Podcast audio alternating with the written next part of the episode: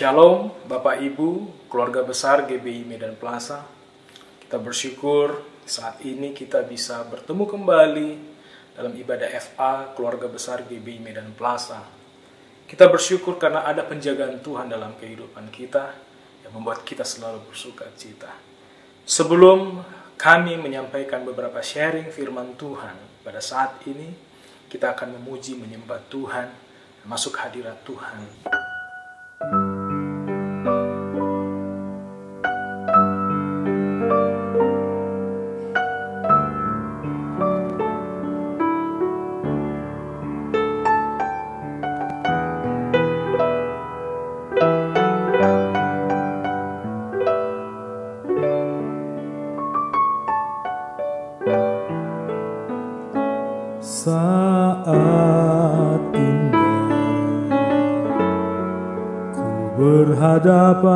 denganmu. Memandang wajahmu Yesus kekasih jiwaku.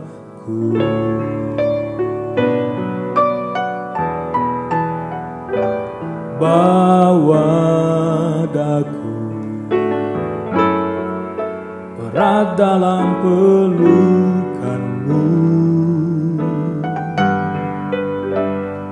menikmati kasih dan indahnya hadiratmu. Hadiratmu Tuhan ku rasakan kekudusanmu up.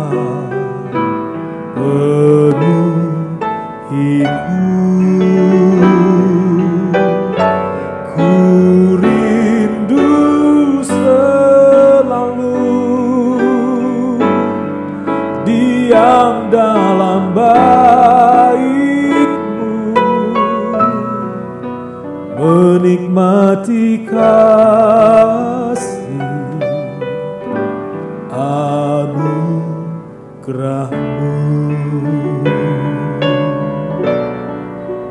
menikmati kasih anugerahmu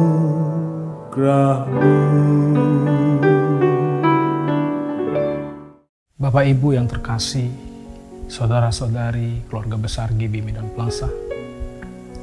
Kita bersyukur saat ini kita bisa bertemu kembali di streaming pada saat ini. Adapun tema yang akan saya bawakan adalah tentang the power of joyful atau kekuatan di dalam sukacita. Kalau kita bicara tentang sukacita, banyak hal yang terbayang dalam kehidupan kita. Tapi sebelumnya kita baca dulu dalam Mazmur 97 ayat 12. Dikatakan demikian. Bersukacitalah karena Tuhan, hai orang-orang benar, dan nyanyikanlah syukur bagi namanya yang kudus. Dalam kesempatan ini Bapak Ibu, kalau kita melihat dari sumber sukacita, secara umum ada dua sumber sukacita yang selalu kita alami. Pertama, sukacita yang berasal daripada luar kehidupan kita. Atau yang dikatakan dengan external joyfulness. Kalau seseorang memberikan hadiah, kita dipromosikan, kemudian kita mendapatkan sesuatu keuntungan dari sebuah perusahaan atau dari perusahaan kita, kita bersuka cita. Tetapi apabila itu tidak kita dapatkan, kita tidak dapatkan hadiah ataupun kita tidak jadi dipromosikan, apakah kita tetap bersuka cita? Dan yang kedua, kalau kita lihat dari sumber sukacitanya, yaitu sukacita yang berasal dari diri atau di dalam hati kita. Berapa banyak daripada kita pernah mengalami hal yang baik di dalam Tuhan? Kalau kita menyembah Tuhan, kalau kita berdoa kepada Tuhan, kalau kita merenung, membaca firman Tuhan, ada sesuatu sukacita di dalam kehidupan kita yang muncul. Bapak Ibu yang terkasih dalam nama Yesus, itu adalah pekerjaan daripada Roh Kudus. Roh Kudus akan memberikan sukacita di dalam kehidupan kita. Atau yang dikatakan dengan internal joyfulness. Semua orang pasti mengalami hal itu. Apalagi anak-anak Tuhan yang cinta Tuhan, yang dekat dengan Tuhan. Dia akan melihat bagaimana kemuliaan Tuhan ada di dalam kehidupannya. Dalam situasi sekarang ini Bapak Ibu, kita mungkin mengalami hal yang tidak baik. Kita mengalami hal yang sulit.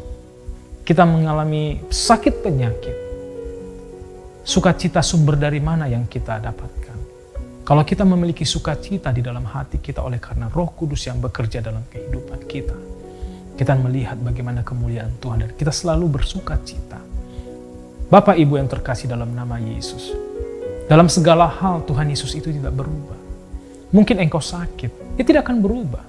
Mungkin engkau senang, dia tidak akan berubah.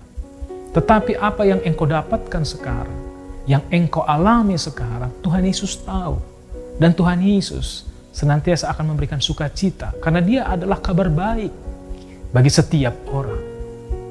Bapak, Ibu, saudara-saudari terkasih di dalam nama Yesus, keluarga besar GB Medan Plaza.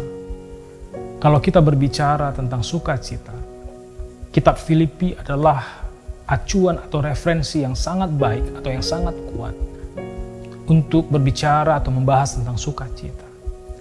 Kitab Filipi ini ditulis oleh Rasul Paulus Menurut beberapa referensi yang saya baca, bahwa Rasul Paulus mengalami ketertekanan saat itu karena dia di dalam penjara. Kita sudah tahu bagaimana keadaan di penjara. Kebebasan kita terenggut. Kita tidak bisa melakukan sesuatu dengan bebasnya. Tetapi Rasul Paulus berpesan kepada jemaat di Filipi untuk senantiasa bersuka cita. Dan dia menuliskannya dengan sukacita. Bagaimana kita bisa mengalami seperti yang dialami oleh Rasul Paulus. Ada tiga hal yang penting yang akan saya sampaikan pada saat ini. Untuk kita bisa mengalami seperti yang dialami oleh Rasul Paulus. Walaupun dia dalam ketertekanan, tapi dia bisa merasakan sukacita itu di dalam kehidupannya. Yang pertama adalah, mintalah roh kudus memenuhi kehidupan kita. Galatia 5 ayat 22 tentang buah roh. Ada salah satunya adalah sukacita. Kalau kita berbicara tentang Galatia 5 ayat 22, ini adalah buah-buah roh. Karena ada roh yang ada di dalam kehidupan kita. Sehingga roh itu menghasilkan buah-buah yang baik. Salah satunya adalah sukacita. Dalam 1 Yohanes 4 ayat yang keempat dikatakan demikian. Kamu berasal dari Allah anak-anakku dan kamu telah mengalahkan nabi-nabi palsu. Itu sebab, nah ingat, roh yang ada di dalam kamu lebih besar daripada roh yang ada di dunia ini.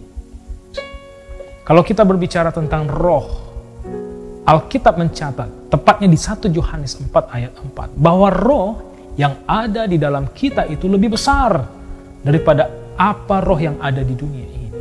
Jadi tidak ada alasan untuk kita untuk tidak bersuka cita. Karena kita memiliki roh yang kuat. Yang pertama, mintalah roh kudus memenuhi kehidupan yang kedua, milikilah pengharapan di dalam Tuhan. Amsal 10 ayat 28 mengatakan begini, harapan orang benar akan menjadi sukacita, tetapi harapan orang fasik menjadi sia-sia. Sekali lagi saya bacakan. Amsal 10 ayat 28. Harapan orang benar akan menjadi sukacita, tetapi harapan orang fasik menjadi sia-sia. Bapak Ibu yang terkasih dalam nama Yesus, untuk kita bisa merasakan sukacita yang senantiasa dari dalam kehidupan kita. Yang kedua, kita harus memiliki pengharapan di dalam Tuhan. Kalau kita tidak memiliki pengharapan, bagaimana kita mengatur strategi-strategi baru? Bagaimana kita mewujudkan cita-cita kita? Bagaimana kita mengalahirkan ide-ide baru? Kalau toh juga kita tidak memiliki pengharapan, bagaimana kita mendapatkan kesembuhan daripada Kristus Yesus? Kalau kita tidak memiliki pengharapan bahwa Yesus memiliki kekuatan untuk menyembuhkan, milikilah pengharapan di dalam Tuhan. Roma 5 ayat 5 mengatakan begini, dan pengharapan tidak mengecewakan, karena kasih Allah telah dicurahkan di dalam hati kita oleh roh kudus yang telah dikaruniakan kepada kita. Dan pengharapan itu tidak akan pernah mengecewakan Bapak Ibu. Milikilah pengharapan di dalam Tuhan sehingga kita memiliki sukacita yang senantiasa dalam kehidupan kita. Yang ketiga, jangan menyimpan dosa dalam kehidupan kita. Yesaya 59 ayat 1 sampai 2. Sesungguhnya tangan Tuhan tidak kurang panjang untuk menyelamatkan dan pendengarannya tidak kurang tajam untuk mendengar. Tetapi yang merupakan pemisah antara kamu dan Allahmu ialah segala kejahatanmu dan yang membuat dia menyembunyikan diri terhadap kamu sehingga ia tidak mendengar ialah segala dosamu. Tidak kurang panjang tangan Tuhan untuk memberkati kita. Bagaimana kita bersuka cita kalau kita menyimpan sesuatu yang tidak baik dalam kehidupan kita. Jangan pernah menyimpan dosa dalam kehidupan kita. Tapi percayalah bahwa ada darah Yesus yang akan menyucikan kita, yang akan menguduskan kita. Yesaya 1 ayat 18 mengatakan begini, Marilah, baiklah kita berperkara firman Tuhan. Sekalipun dosamu merah seperti kirmizi, akan menjadi putih seperti salju. Sekalipun berwarna merah seperti kain kesumba, akan menjadi putih seperti bulu domba. Ada darah Yesus yang menyucikan. Minta pengampunan dari Tuhan Yesus Kristus. Oleh darahnya, kita disucikan, dilayakkan, dan diampuni. Untuk mendapatkan sukacita ada tiga hal langkah yang tadi kita sudah bicarakan. Mintalah engkau dipimpin oleh roh kudus dan dipenuhi oleh roh kudus. Kedua, milikilah pengharapan di dalam Tuhan. Ketiga, jangan pernah menyimpan dosa dalam kehidupan. Bapak Ibu, keluarga besar GB Medan Plaza yang kami kasihi. Apabila kita memiliki sukacita di dalam diri kita, ada berkat Tuhan yang akan menyertai kita. Yang pertama, sukacita itu adalah obat bagi tubuh kita.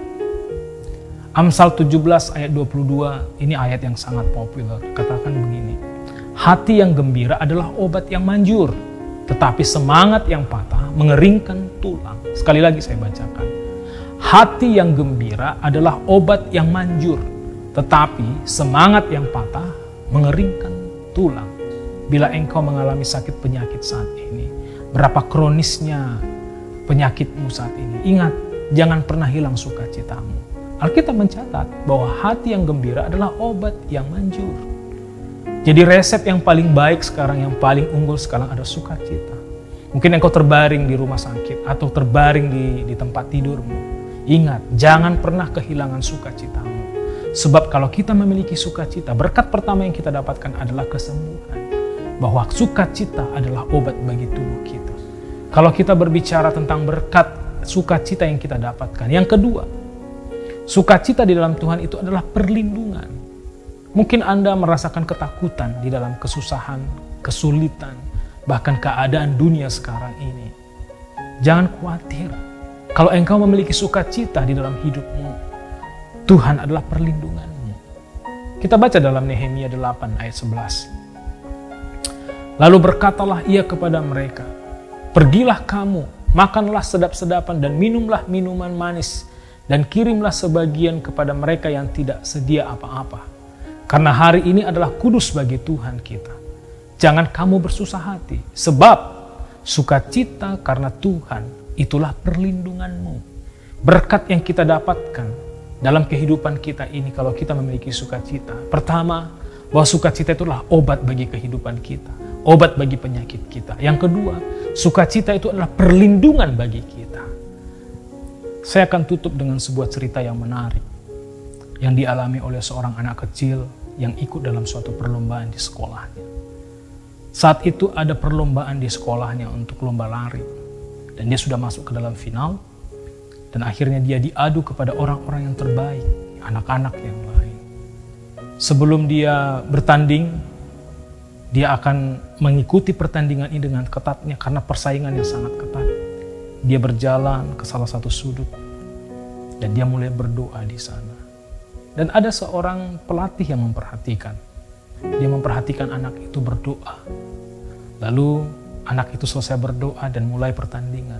Pendek cerita Bapak Ibu anak ini menjadi nomor satu, juara satu. Dengan terkesannya, sang pelatih itu mendekati uh, si anak ini dan bertanya, Nak, luar biasa doa kamu. Doa kamu dijawab oleh Tuhan. Kamu nomor satu dalam pertandingan ini. Kalau boleh tahu, nak, apa isi doa kamu? Lalu anak ini berbicara dan menatap pelatihnya. Coach atau pelatih, saya berdoa tadi, waktu doa itu saya meminta kepada Tuhan agar aku tidak menangis kalau aku kalah. Tapi aku berdoa kepada Tuhan biar aku kuat kalaupun aku kalah tadinya. Karena ada mama saya yang di samping lapangan sana yang menonton saya. Jadi saya malu. Kalau saya kalah saya harus menangis. Jadi saya berdoa kepada Tuhan. Tuhan, kalaupun saya tidak bisa ranking satu atau juara satu, tolong kuatkan saya untuk tidak menangis. Karena saya akan malu dilihat oleh mama saya. Bapak Ibu yang terkasih dalam nama Yesus. Berapa banyak kita sudah berdoa meminta keinginan-keinginan kita kepada Tuhan. Tetapi sudah seberapa sering kita berdoa kepada Tuhan. Tuhan, kuatkan aku dalam keadaan susah ini. Kuatkan aku menghadapi kesulitan-kesulitan ini. Kuatkan aku melewati krisis-krisis ini. Seharusnya kita berdoa begitu kepada Tuhan. Sehingga Tuhan akan menyertai kita dengan sukacita. Sebab Tuhan itu adalah Tuhan perlindungan bagi kita. Kalau kita memiliki sukacita, bahwa ada perlindungan Tuhan dalam. Bapak Ibu yang terkasih dalam nama Yesus, jangan pernah hilang sukacita. Seberat apa pun keadaan kita, tetap miliki sukacita daripada Tuhan yang akan memberikan perlindungan bagi saudara dan saya. Tuhan Yesus